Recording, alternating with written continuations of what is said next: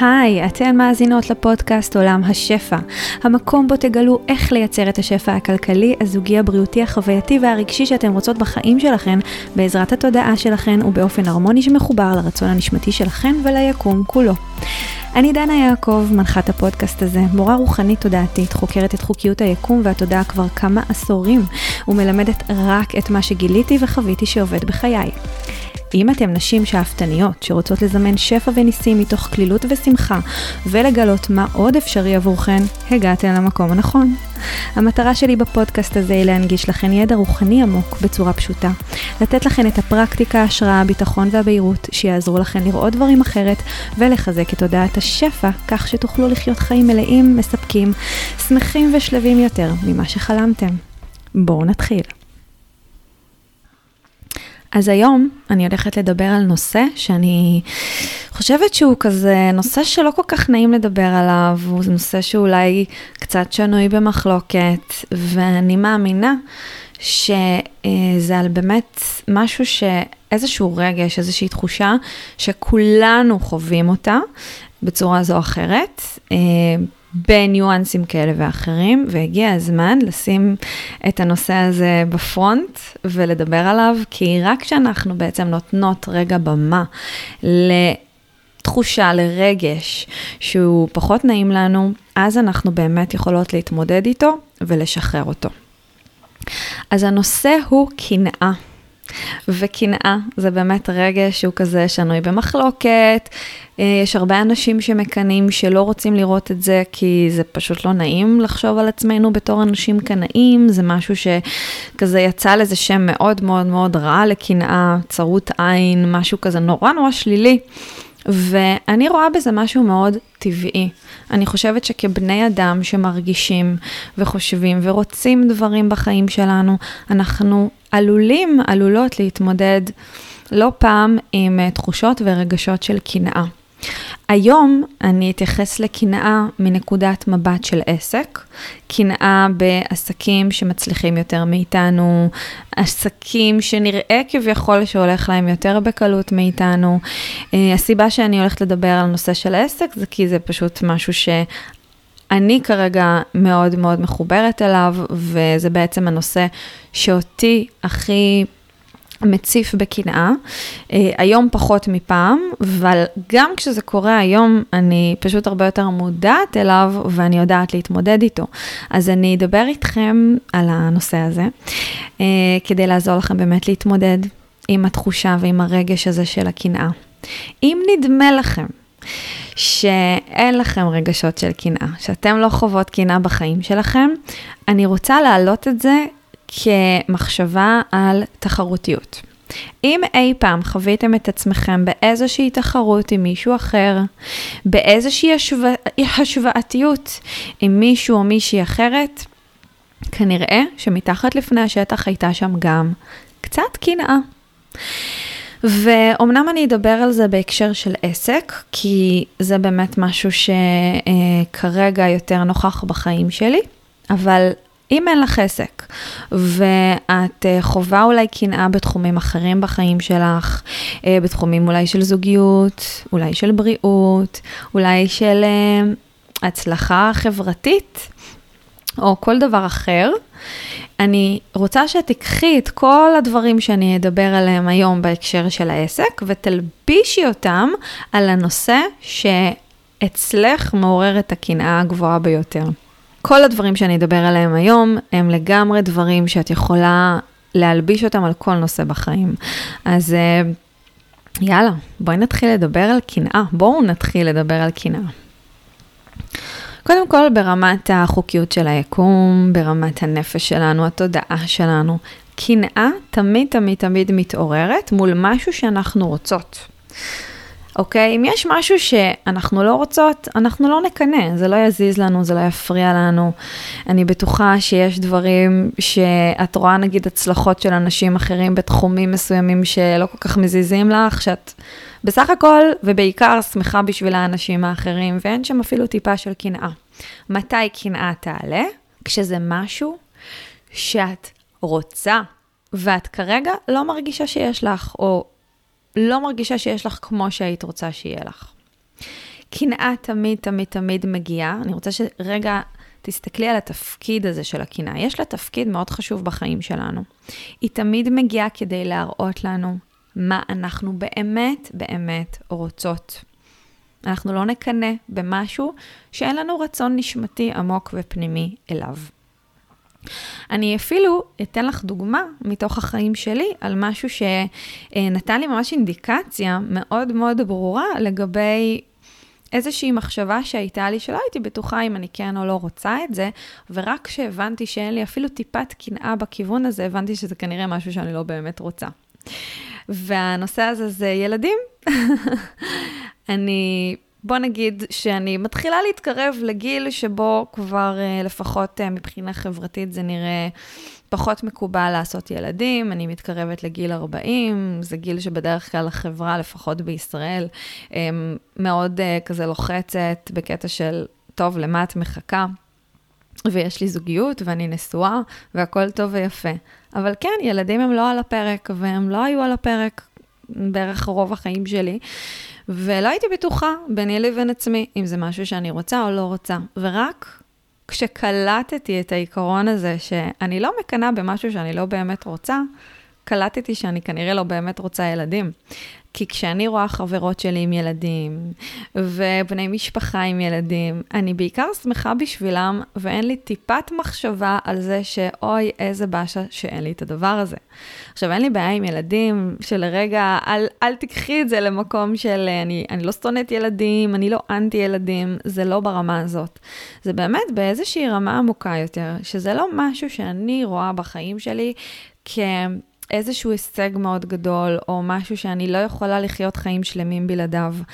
והגושפנקה, הנקודה שבה הבנתי שכנראה זה לא איזה רצון פנימי עמוק שלי, זה כשהבנתי שאין לי שם אפילו טיפת קנאה, ויש לי רק שמחה כלפי האנשים שמביאים ילדים, שיש לי רק אולי אמפתיה כלפי אנשים שמביאים ילדים ומתקשים בזה לפעמים, או שמחים, או כל דבר כזה. וזה לא משהו שנוגע בי. אז זו הייתה אינדיקציה מאוד טובה לזה שזה לאו דווקא משהו שאני רוצה. לעומת זאת, כשאני רואה מישהי בתחום שלי, שהיא מאוד מאוד מצליחה, כשאני רואה, אה, למשל בתקופות שהייתי רצה, ריצות ארוכות, רצתי כמה מרתונים, ובאמת הייתי מאוד מאוד ככה.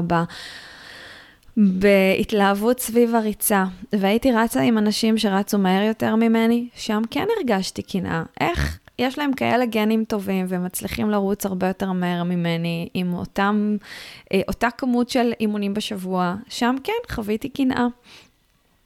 אה, כמובן שהסוויתי את זה בזמנו בתחרותיות, שהיא כביכול בריאה, זה לאו דווקא קנאה שגרמה לי לרצות דברים רעים בשביל האנשים האלה, אבל התחרותיות הזאת תמיד, תמיד, תמיד מסווה איזושהי קנאה פנימית ש, אה, שמדרבנת אותנו להתקדם. אז תחרותיות שהיא בריאה, זה תחרותיות שהיא יושבת על קנאה, שאנחנו ממנפים אותה למקום שהוא נקרא לזה חיובי, למקום של התפתחות והתקדמות שלנו. כשהיא לא בריאה, היא בעצם מייצרת מצב של קנאה, שיכולה לשרוף ויכולה לייצר הרבה מאוד נזק. אבל ככל שאנחנו נהיה מודעות לקנאה שלנו ונדע איך לנהל אותה בצורה נכונה, ככה היא פחות תשרוף ויותר תקדם אותנו. וזו המטרה שלי בפרק הזה בפודקאסט, לעזור לך, לעזור לכם, לקדם את עצמכם גם ועם תחושות ורגשות של קנאה. אז אם אני לוקחת את זה רגע למקום של קנאה בעסק, הנה אני פה הכי פתוחה בעולם, ואני אשתף אותך שלא פעם עולים בי רגשות של קנאה כלפי אנשים, ובמיוחד נשים, שזה מאוד מעניין, כנראה בגלל שאני הרבה יותר מזדהה עם נשים, כי אני בעצמי אישה, נשים שהן לאו דווקא מאוד מאוד רחוקות ממני, נשים ש... אה, העסק שלהם דומה ברמה כזו או אחרת לעסק שלי, שמדברות בשפה מאוד דומה לשלי, ושאני תופסת אותן כמצליחות. ולאו דווקא מצליחות הרבה יותר ממני, זה הקטע המצחיק וזה הקטע המעניין בקנאה, לפחות שאני מזהה אצלי. מתי אני מזהה שיש לי קנאה? כשאני רואה מישהי שהיא מאוד קרובה אליי מבחינת התחומי, אה, שוב, תחום העיסוק שלה, מבחינת רמת ההצלחה שלה. דווקא כשההצלחה שלה היא קרובה למה שאני תופסת כהצלחה שלי, ונדמה לי שהיא קצת יותר מצליחה ממני, שם יכול מאוד להיות, לא תמיד, אבל יכול מאוד להיות, שתתעורר בי קנאה. אני משתפת אותך בזה רק כדי להראות לך כמה אני מסכימה להיות אנושית, ואני מסכימה לראות את הקינה שלי, כי כשאני התחלתי להסכים לראות את הקינה שלי, אז התחלתי להתמודד איתה באמת, ולנתב אותה למקומות שהם חיוביים וטובים עבורי, וגם עבור האנשים שבסביבה שלי. ודווקא כשניסיתי להתעלם מהקנאה, או כששפטתי את עצמי על כך שאני מקנאה, שם נכנסתי לאיזשהו לופ עם עצמי, שיצר אצלי המון המון שליליות. קנאה שהיא אה, נובעת, שהיא בעצם עולה ויש בה הרבה מאוד שפיטה, יכולה לגרום לנו, אנשים טובים ככל שנהיה, לרצות דברים לא טובים עבור אנשים אחרים. אולי אפילו לעשות דברים, לעשות מעשים שאנחנו לא גאות בהם. לא עולה לי כרגע מעשה כזה שעשיתי מתוך קנאה, אבל אם יעלה בהמשך, אולי אני אשתף אותך בזה. כרגע, מתוך uh, ההיכרות שלי עם עצמי, אני בעיקר עושה לא טוב לעצמי כשאני מקנאה ואני שופטת את עצמי על הקנאה. אז שוב, היום זה כבר פחות קורה, כי היום אני מזהה את הקנאה כשהיא עולה, ואני גם מזהה את השפיטה העצמית שלי כלפי הקנאה, ואז אני כבר עושה איזשהו תהליך עם עצמי, אה, ביני לבין עצמי, כדי לנטר, לנטרל, לנקות, להטמיר את הקינה למשהו גבוה יותר, למשהו מקדם, למשהו שעושה טוב בעולם בסופו של דבר. כל מה שאני הולכת לדבר עליו היום בפודקאסט הזה, זה אחרי שנים, שנים, שנים של עבודה עצמית בהקשר של קנאה, בחיבור כמובן לחוקיות של היקום ולזימון מציאות, וזה ממש המסקנות שאני הגעתי אליהן לגבי זה, ואיך גם את יכולה לנתב את הקנאה שלך למקומות שהם חיוביים, למרות שזה נראה מאוד מאוד שלילי, נכון? אז המקום הראשון החיובי שאת יכולה לנתב אליו את הקנאה שלך, זה באמת לראות ולזהות שהקנאה בסך הכל מראה לך את מה שאת רוצה. היא מדייקת את הרצון שלך. אם את לא בטוחה מה את רוצה, אה, ושוב, אני אחבר את זה לעסק, אם את לא בטוחה מה את רוצה בעסק, תראי נשים או אנשים שיש להם עסקים דומים לשלך שאת מקנאה בהם, ותשאלי את עצמך, מה הדבר הזה שיש להם שאני גם רוצה?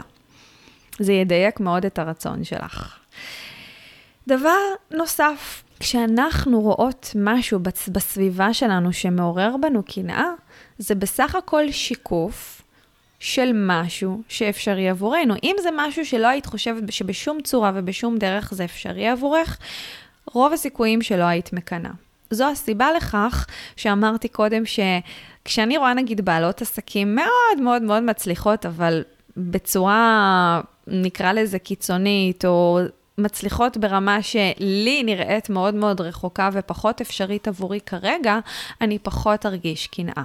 הקנאה בדרך כלל מתעוררת אצלי כשזה משהו שהוא נראה לי אפשרי, שהוא נראה לי נגיש יותר ואני עדיין לא שם. אז מתעוררת הקנאה.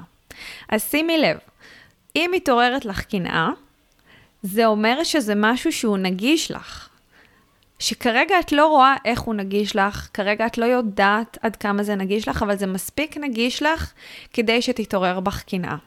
ואם זה מספיק נגיש מבחינת חוקיות יקום, זה בסך הכל משקף לך שזה משהו שהוא לגמרי אפשרי עבורך ואת לגמרי יכולה להגיע אליו, ואת כרגע רק שופטת את עצמך על זה שעוד לא הגעת לשם.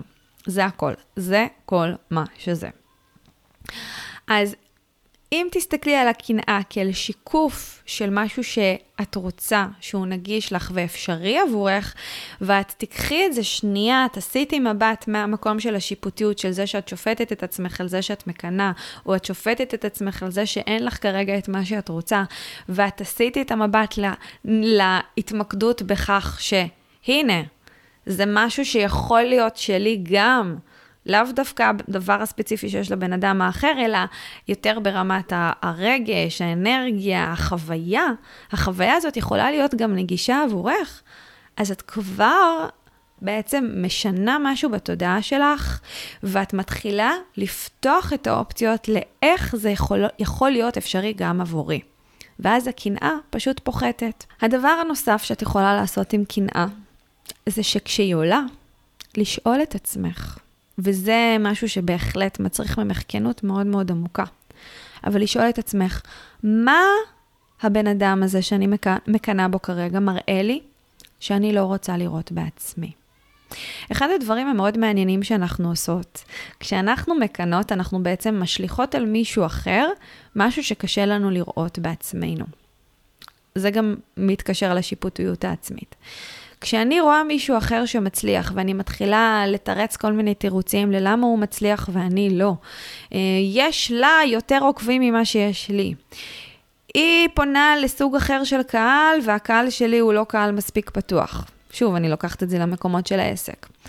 לה קל, לה אין, אין אמונות מגבילות לגבי כסף, בגלל זה היא מצליחה לעשות הרבה כסף, ולי יש אמונות מגבילות כלפי כסף.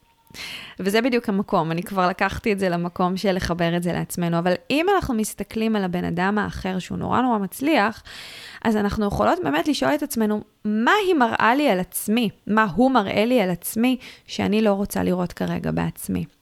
אם תהיי מספיק כנה עם השאלה הזאת ותתני לעצמך להעלות את התשובות מתוכך, דברים שקשורים אלייך ולא קשורים בבן אדם החיצוני, את תגלי מה באמת יושב שם. כשאני שאלתי את עצמי את השאלות האלה, הדברים שגיליתי על עצמי היו היא כנראה עובדת יותר על האמונות שלה על כסף, ובגלל זה אולי היא מכניסה יותר כסף ממני, ואולי אני לא מספיק עובדת על האמונות שלי על כסף, אולי אני לא מספיק מחויבת לתהליך שלי, אולי אני יכולה לעשות יותר ואני לא עושה. זה בעצם החזיר את ההסתכלות עליי ועל מה אני לא עושה מספיק, מה אני חושבת שאני לא עושה מספיק, כי זה הרבה פעמים לא מה שאנחנו לא עושות מספיק, כמו מה שאנחנו חושבות שאנחנו לא עושות. אז אני לשאול את עצמי את השאלות האלה. עוד דבר שעלה לי כששאלתי את עצמי את השאלה הזאת, זה אולי היא יודעת לזמן מציאות יותר טוב ממני. אולי אני לא מאמינה שאני יכולה לזמן את המציאות שאני רוצה, כמו שאני כביכול לומדת ומלמדת את עצמי. אולי אני עדיין לא מאמינה שזה אפשרי עבורי. עד כדי כך שזה באמת יהפוך להיות מציאות. אולי אני חושבת שאני לא עושה מספיק. אולי, אולי, אולי, לתת לתשובות האלה לעלות. ברגע שאת תתני לעצמך, ובאמת, בשיא הכנות, תראי את כל מה שיושב שם ותציפי את זה, את תזהי את המקומות שבהם אולי את באמת לא עושה מספיק. ואולי תזהי את המקומות שאת כן עושה מספיק, אבל את שופטת את עצמך עליהם. עכשיו, אני חוזרת הרבה לנקודה של השפיטה העצמית, כי השפיטה העצמית היא ממש אה, איזשהו טריגר שמגביר את הקנאה. הקנאה יכולה לחיות רק במקומות שאנחנו שופטות את עצמנו בהם. עכשיו, בגלל שאנחנו שופטות את עצמנו במקומות האלה, וקשה לנו לראות את זה, שאנחנו שופטות את עצמנו, אנחנו משליכות את זה כלפי חוץ, ואנחנו כביכול שופטות את המציאות החיצונית, את הבן אדם החיצוני שכביכול מצליח יותר מאיתנו. אבל בפועל, זה אנחנו שופטות את עצמנו, זה תמיד, תמיד, תמיד אנחנו שופטות את עצמנו. אנחנו לא יכולות לשפוט מישהו אחר אם אין בתוכנו שפיטה. אם קיימת בתוכנו שפיטה, זה אומר שזה קודם כל משהו כלפי עצמנו שאנחנו לא רואות כרגע. אז אם תשאלי את עצמך את השאלות האלה, ותתני לתשובות לעלות בשיא הכנות, תזהי איפה את שופטת את עצמך, איפה את קשה עם עצמך, איפה אולי את מצפה מעצמך להרבה כשאת עושה כל כך הרבה. אחד מהדברים שאני גיליתי בשאלות האלה זה שיש לי ציפיות מאוד מאוד גבוהות עם עצמי, ואני לפעמים מאוד קשה עם עצמי. אני ממש מצפה מעצמי להצליח בן לילה כשאני עושה עבודה גם תודעתית וגם אני עושה את הפעולות הנכונות. ואני מצפה מעצמי שהדברים יעבדו לי כל כך מהר ואני לא נותנת רגע לזמן לעשות את שלו. ואני לא נותנת לדברים להתגלות במציאות החיצונית. אני מצפה שהכל יקרה כאן ועכשיו, וכשזה לא קורה כאן ועכשיו, אז אני מקנאה במישהו אחר שנראה כלפי חוץ שהכל קורה לו כאן ועכשיו. חשוב להגיד עוד דבר מאוד מאוד uh, משמעותי. הרבה פעמים כשאנחנו מקנות באנשים אחרים, אנחנו מקנות במשהו חיצוני שהעיניים שלנו רואות. אנחנו לא באמת יודעות מה התהליכים שהם עברו, מה הקשיים שהם מתמודדים איתם, מה האתגרים שהם מתמודדים איתם, למה. כי אנשים לא משתפים יותר מדי באתגרים שלהם. הרבה פעמים, בדיוק כמוני, אני חווה לא מעט קנאה, אני לא כל פעם שאני מקנאה, אני משתפת בזה את העוקבות שלי או אתכם פה בפודקאסט. אני לא משתפת לא כי אני מנסה להסתיר את זה, אלא כי אני בעצמי כרגע בתהליך עם עצמי במקום הזה, ואני צריכה את הזמן לעצמי לאבד את זה, לעבור עם עצמי את הפרוסס, להבין מה באמת קורה לי שם לפני שאני בוחרת לצאת עם זה החוצה.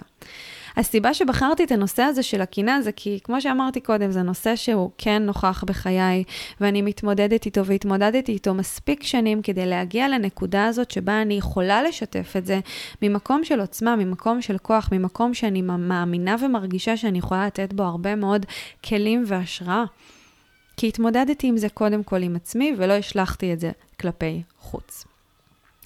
אז לשאול, שוב, אני חוזרת על זה כי זה מאוד מאוד מאוד חשוב, תשאלי את עצמך, מה הבן אדם הזה שאני מקנאה בו מראה לי על עצמי, שאני כרגע מתקשה לראות בעצמי, או לא רוצה לראות בעצמי. ואז תתני לתשובות לעלות.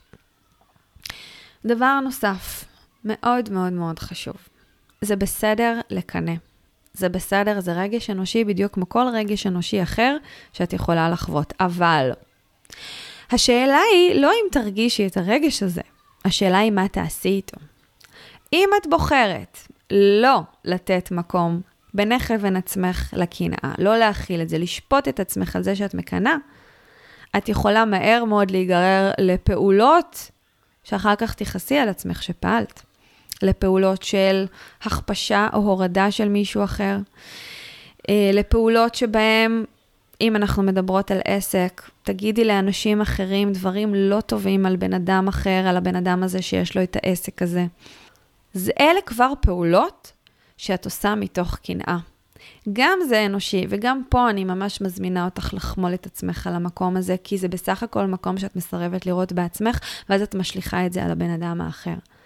אבל אם תסכימי לראות את הקנאה הזאת, להכיר בה, מבלי לעשות עם זה פעולות חיצוניות, רק לעשות עם זה עבודה פנימית, זה יהפוך אותך לבן אדם הרבה יותר חזק, הרבה יותר מהיר, שנותן הרבה יותר השראה. בן אדם שאת יכולה לעמוד מאחורי עצמך ולהגיד, וואו, אני גאה בעצמי, על הדרך שבה אני מתמודדת עם הרגשות הלא נעימים האלה.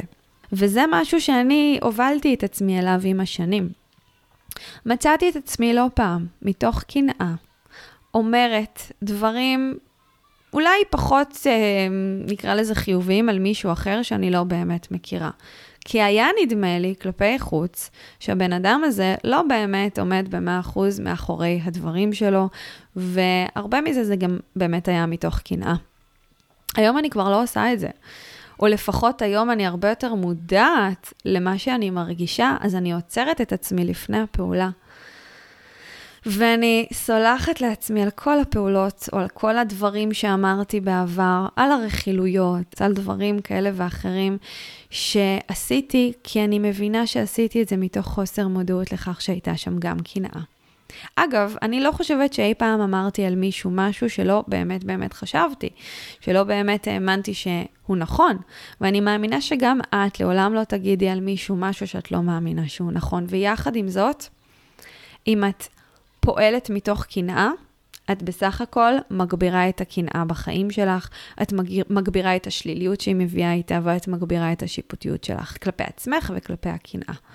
אבל אם את תעצרי, תבדקי עם עצמך, מה זאת הקנאה הזאת? מה היא מנסה להראות לך? על מה היא יושבת?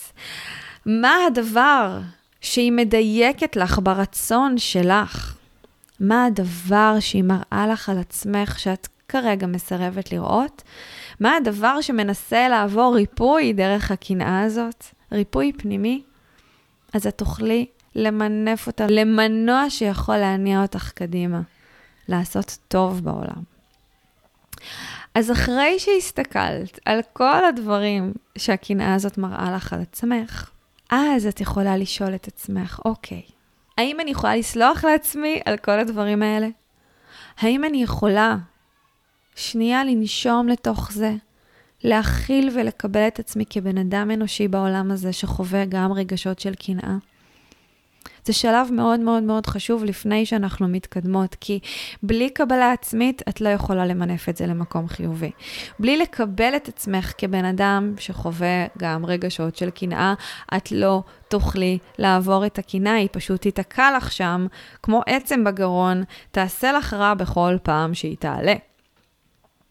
אז הקבלה העצמית היא מאוד מאוד חשובה. איך, איך תצליחי לקבל את עצמך? על ידי זה שבשלב הראשון פשוט תסלחי לעצמך. פשוט תגידי לעצמך, אני סולחת לעצמי על זה שאני מקנאה. אני סולחת לעצמי על זה שאני אנושית.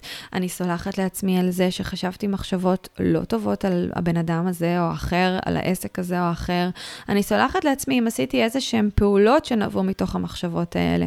אני סולחת לעצמי כי אני אנושית ואני עושה טעויות. אני סולחת לעצמי שאני עושה טעויות. מותר לי לעשות טעויות, מותר לי לקנא. ואני סולחת לעצמי על זה. ואני גאה בעצמי על זה שאני מסכימה לראות את המקום הזה שהוא כל כך לא נעים לי. אני מסכימה לסלוח לעצמי על האומץ שיש לי להתמודד עם הקנאה הזאת, כי זה לא נעים, והרבה אנשים לא מוכנים להתמודד עם הקנאה שלהם, ואני עושה את זה כרגע, אז אני סולחת לעצמי ואני מקבלת את עצמי, ואני גאה בעצמי על זה שאני עושה את זה. פשוט להגיד לעצמך את המילים האלה על כל המחשבות שיש לך, על הקנאה, על חוסר שביעות הרצון שלך מעצמך, מהחיים שלך, מהדברים שאת רואה כלפי חוץ. להמשיך ולהגיד, סליחה, סליחה, סליחה על כל הדברים האלה, וגם סליחה על כל הפעמים שקינאתי ולא הסכמתי לראות את זה. על כל הפעמים ששפטתי את עצמי על הקנאה, על כל הפעמים ששפטתי אנשים אחרים מתוך הקנאה שלי. אני סולחת לעצמי, אני סולחת לעצמי, אני סולחת לעצמי. בשלב הבא אפשר להגיד, תודה שאני סולחת לעצמי. תודה שאני סולחת לעצמי, אני מודה לעצמי על הסליחה שלי את עצמי. תודה שאני מאפשרת לעצמי לסלוח לעצמי. בשלב הבא אפשר ממש לחזק את זה ולעלות עוד שלב קדימה ולהגיד, אני מקבלת את עצמי כמו שאני, אני מקבלת את עצמי, כי רק דרך הקבלה העצמית אנחנו יכולות למנף את עצמנו לשלב הבא. רק דרך הקבלה העצמית אנחנו יכולות לחבר את עצמנו לאהבה עצמית על כל המכלול שלנו.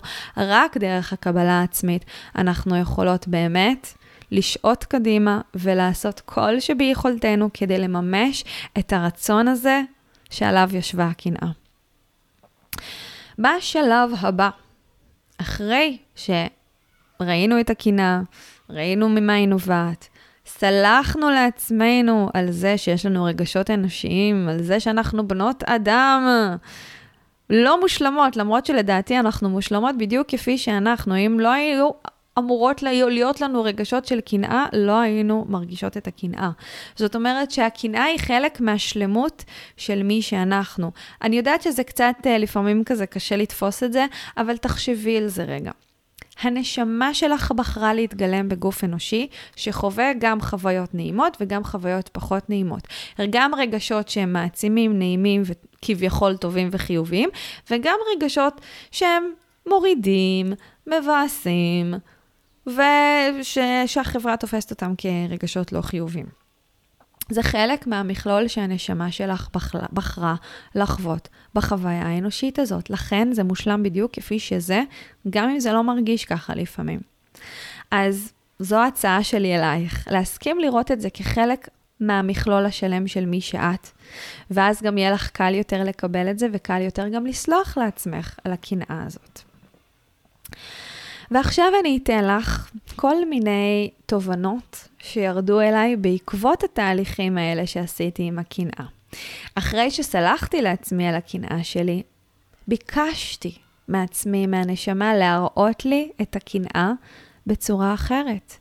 איך את יכולה לקחת את כל מה שגילית על עצמך, אה, על הקנאה שלך, ואיך את יכולה למנף את זה למקום שהוא מעצים, שהוא יכול לקדם אותך בעסק ובכלל בחיים, ושהוא חיובי יותר עבורך. איך את יכולה לראות את כל הרגש הזה של הקנאה כמשהו, כאיזשהו תפקיד מאוד מאוד מאוד גדול שיש לך בחיים כרגע.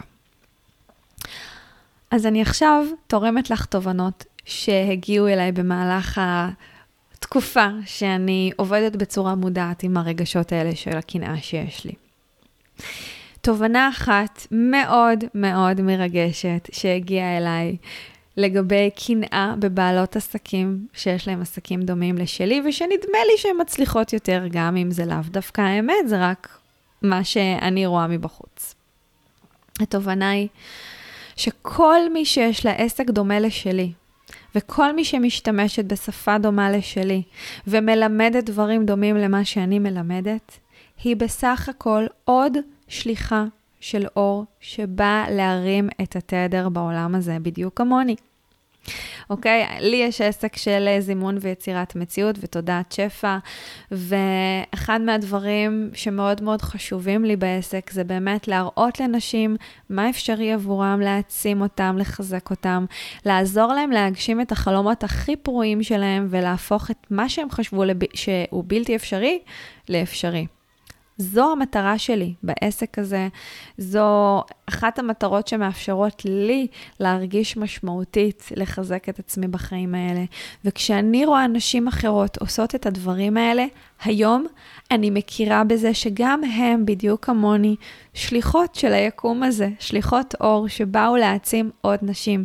ככל שיותר אנשים יעשו את מה שאני עושה, ככה העולם הזה יהיה עולם של אור.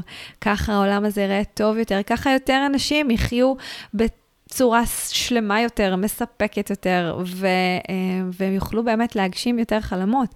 ככל שיותר אנשים יגשימו את החלומות שלהם, ככה יהיו יותר אנשים מרוצים ומאושרים בעולם הזה. ככל שיותר אנשים יהיו מרוצים ומאושרים בעולם הזה, ככה הם ירצו גם לעשות טוב לאחרים, כי זה מה שקורה, כשטוב לנו, קל לנו יותר לעשות טוב לאנשים אחרים. וככל שזה יקרה, ככה התדר של העולם יעלה, ככה היקום שלנו יהיה פשוט מקום הרבה יותר נעים לחיות בו.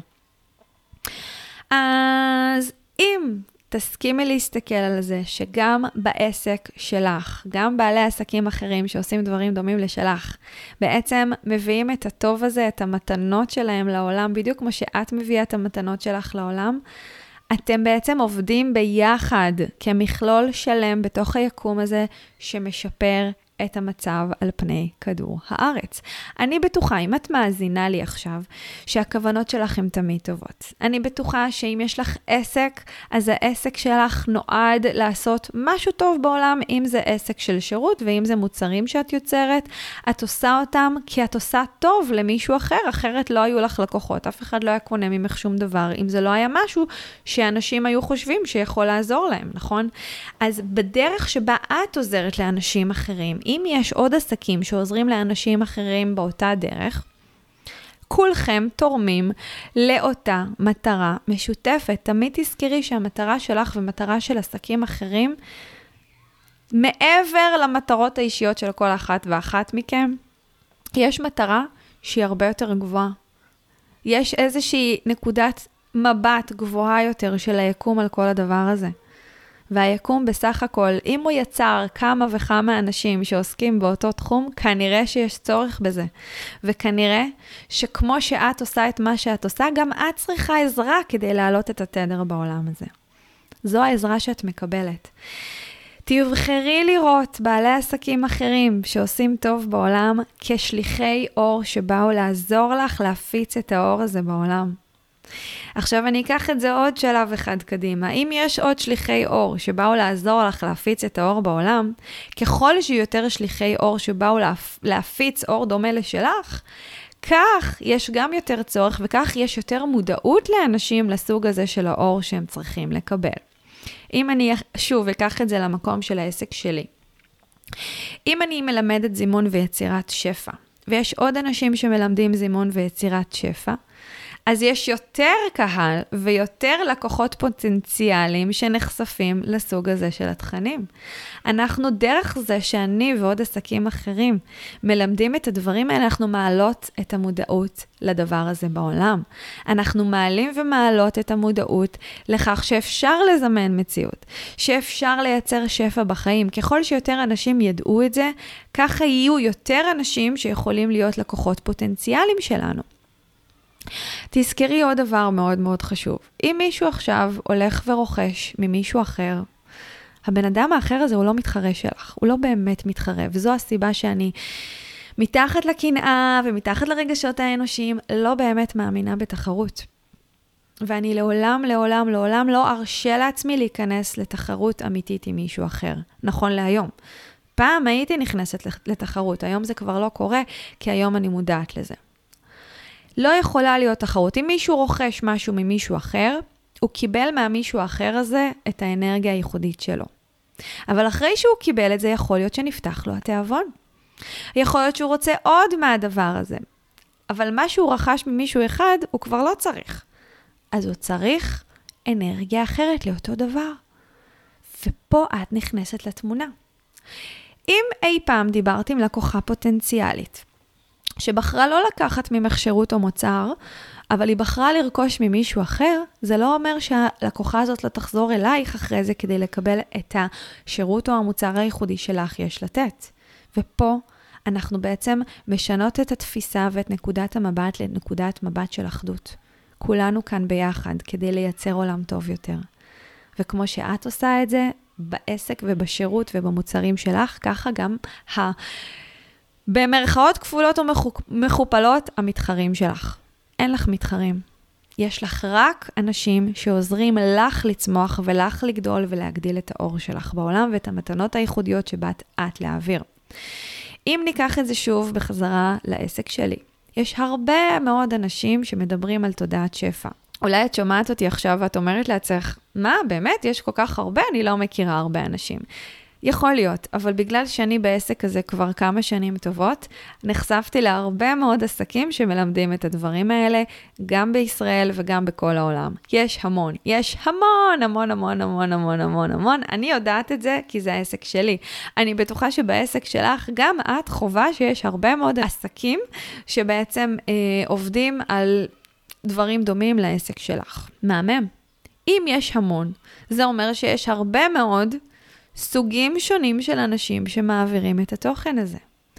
מישהי אחת יכולה לדבר על זימון ויצירת שפע מתוך נקודת המבט שלה, מתוך השפה הייחודית שלה, מתוך הביטוי הייחודי שלה בעולם ועם התדר המאוד מאוד ספציפי שלה. האנשים שצורכים ממנה את התוכן הזה יקבלו את מה שיש לה לתת.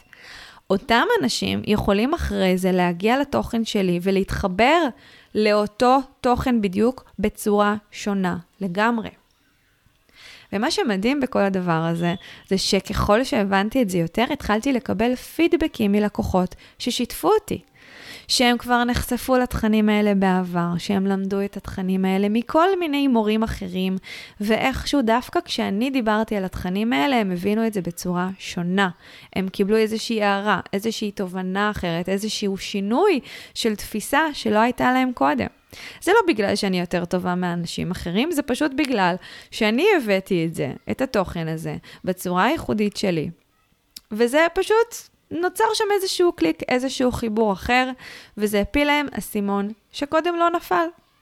זה לא אומר שקודם לא נפלו להם אסימונים אחרים, אבל הם הגיעו אליי באיזושהי נקודה של בשלות שאפשרה להם להפיל אסימונים חדשים. וזה הקטע היפה בכל הסיפור הזה. אני תמיד אומרת שאנשים שמגיעות לתכנים שלי, לרוב זה אנשים שהם יותר בשלות, יותר מפותחות, שעברו דבר או שתיים בחיים שלהם, ואפילו למדו ממורים אחרים. אני הכי שמחה כשמגיעות אליי נשים כאלה, כי אז אני באמת באמת מביאה להם את התדר הייחודי שלי ואת הצורה הייחודית שלי להסתכל על כל הנושא הזה של החוקיות של היקום, ותודעת שפע, וזימון מציאות, ואז הן בעצם לומדות עוד רובד, עוד עומק על כל הנושא הזה ועל עצמם, שהם לא למדו קודם. כי הם למדו דברים אחרים, וזה בעצם הוביל אותם לרמת מוכנות של העמקה בנושא הזה.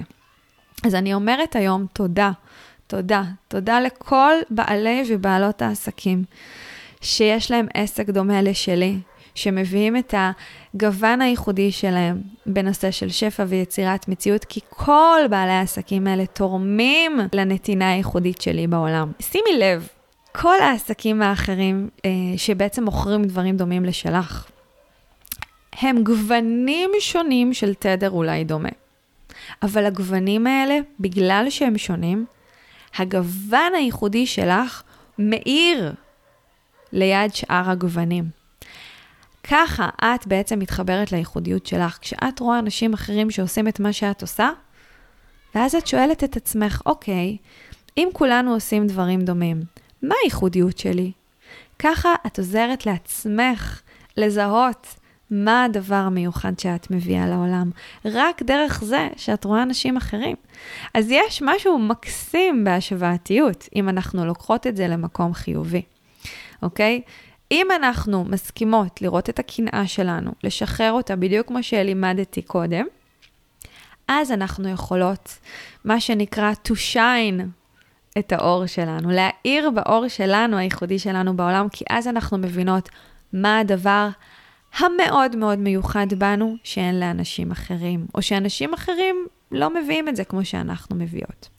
והדבר האחרון שאני אגיד על הנושא הזה היום, שזה עוד איזושהי תובנה מאוד מעניינת שעלתה לי, זה שכשאנחנו עומדות לצד מישהו אחר, שנדמה לנו שהוא יותר מוצלח מאיתנו, או יותר מצליח, או יותר מקבל הכרה, זה בגלל שמשהו בנו אפשר לו להאיר באור שלו. תחשבי על זה רגע. יש את השמש ויש את הירח. הירח בלי השמש, לא רואים אותו. הוא חשוך, אין לו אור משל עצמו, נכון? השמש, בלילה, לא רואים את השמש, אבל היא מאירה על הירח. שימי לב לעניין הזה, זה עניין מאוד מאוד מאוד חשוב. ביום, השמש מאירה, לא רואים את הירח. בלילה, דווקא כשלא רואים את השמש, אז רואים את הירח. לכל אחד מאיתנו יש את הרגע שבו אנחנו מאירות. אם יש מישהי אחרת או מישהו אחר שעומד לידך שהוא מאיר כרגע, זה בגלל שאת מאפשרת לו להאיר. זה בגלל שמשהו באור שלך מאיר עליו וכרגע רואים אותו. כשמישהו אחר מאיר יותר ממך, או לפחות ככה זה נדמה לך, זה לא אומר שאת לא מאירה. זה אומר שהאור שלך כרגע מאיר עליו, וזה לא דבר שלילי, זה דבר מדהים. בן אדם שנמצא לידך לא יכול להעיר אם את לא תאפשרי לו להעיר. ככה זה עובד. אז בכל פעם שאת נמצאת ליד מישהו אחר ונדמה לך שהוא מקבל יותר תשומת לב ממך, שהוא יותר מצליח ממך, שהוא יותר מקבל הכרה ממך, זה רק בגלל שאפשרת לזה לקרות ברוב טובך או בחוסר מודעות שלך. תסתכלי על זה איך שבא לך. אבל ברגע שאת תבחרי להאיר את עצמך ולהביא את האור הייחודי שלך לידי ביטוי, אז יראו אותך. ואם לא רואים אותך, זה בסדר גם לקחת צעד אחורה ולאפשר למישהו אחר להאיר. זה לא גורע מהאור שלך. תחשבי רגע על השמש. לשמש לא אכפת שהירח מאיר בלילה, היא מאירה בכל מקרה, גם כשלא רואים אותה. השמש תמיד מאירה. תסתכלי על עצמך כאל השמש. את תמיד מאירה, גם כשרואים אותך וגם כשלא. ואם לא רואים אותך ומישהו אחר מואר, זה בגלל שאת אפשרת לו להיות מואר. זו הסיבה היחידה, לא שום סיבה אחרת. אף אחד לא יותר טוב ממך, את לא יותר טובה מאף אחד, אבל את שמש בזכות עצמך, ולך יש את האור הייחודי שלך. עכשיו, למקרה שתהית מה זה האור הזה, זה יכול להיות מיליון ואחת דברים. זה התכונות הייחודיות שנולדת איתן, זאת האנרגיה הייחודית שלך. זה ה... זה משהו שאת משדרת, זה מי שאת. ככל שתאפשרי לעצמך להיות מי שאת, ככה תוכלי להעיר יותר.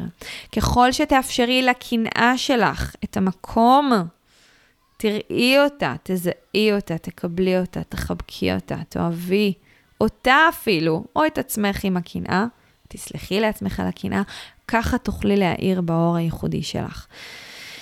והמשפט הזה שאמרתי עכשיו, הוא אולי המשפט הכי חשוב בכל הפרק הזה. תסלחי לעצמך על הקנאה, תסלחי לעצמך על זה ששפטת את עצמך עם הקנאה, ותאפשרי לעצמך להאיר בדיוק כפי שאת. איך להתמודד כשאת מרגישה שהקנאה הזאת ממש לא עושה לך טוב, ואת לא מצליחה לעבור את שאר השלבים. תנטרלי רעשי רקע. במקום לפעול ולשרוף מישהו אחר בקנאה שלך, קחי צעד אחורה. תנתקי את עצמך מאנשים שמעוררים בך את הקנאה. עכשיו, זה לא אומר להפסיק לדבר איתם, אבל את יכולה לקחת מרחק. עד שתאבדי את זה עם עצמך ותגיעי לשלבים המתקדמים יותר שדיברתי עליהם קודם. את יכולה לקחת יום חופש מהמדיה, הרבה פעמים המדיה החברתית מעוררת בנו הרבה מאוד קינה, כי מה לעשות, אנשים בדרך כלל מראים במדיה את ההצלחות שלהם, הם לא מראים את הקשיים והאתגרים והתסכולים שהם עוברים, וזה גם יכול לעורר קנאה.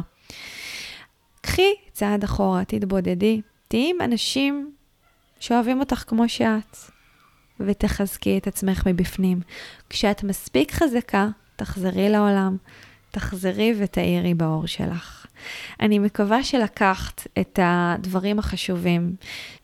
אני אוהבת אותך המון, ואני מזכירה לך שאת מדהימה בדיוק כפי שאת, עם הקנאה, בלי הקנאה, עם תחרותיות, בלי תחרותיות, עם השוואתיות, בלי, בלי השוואתיות, זה לא רלוונטי. את כאן כדי להעיר ולא לשרוף. את כאן כדי להעיר נקודה. ואם יש לך עסק ואת חווה קנאה בעסקים אחרים, תזכרי שכולכם בדבר הזה ביחד. כולנו בדבר הזה ביחד. זה רק האשליה של המחשבה שלנו שיש נפרדות ויש מישהו טוב יותר או מצליח יותר או פחות מצליח. זאת אשליה, זה לא אמיתי. האמת היא שהיקום, שהוא כולו אהבה, הביא את כולנו לעולם הזה כדי לעבוד יד ביד. זה לא אומר שאת חייבת לעשות שיתופי פעולה עם כל בעל עסק שעושה משהו דומה לשלך, אבל זה כן אומר שגם אם את לא עושה שיתוף פעולה מוחשי, את יכולה להסתכל על זה בתור כוח עזר לכוח המדהים שאת מביאה לעולם הזה. אז uh, אני מברכת אותך בהמון שפע, בהמון uh, אור. ובבקשה, אל תסתירי את האור שלך מהעולם. העולם הזה זקוק לאור הייחודי שלך. אוהבת המון, ובהצלחה. תודה רבה שהקדשתן את הזמן להאזין לפרק הזה. אם אהבתם את מה ששמעתם כאן היום, זה הזמן להעביר את השפע הלאה. אני הכי אשמח בעולם אם תפרגנו בדירוג הפודקאסט ובחוות דעת חיובית, ואם אתן מכירות אנשים שהתוכן הזה יכול לתרום להם, שתפו אותם. אם אתן עדיין לא עוקבות אחריי במדיה, תוכלו לקבל עוד טיפים, השראה והמון אנרגיות של שפע בעמוד האינסטגרם שלי, פיל גוד, כף תחתון, שפע, או באתר שלי, feelgoodשפע.com. זה הזמן ללכת וליצור שפע וניסים בחיים שלכם. אוהבת.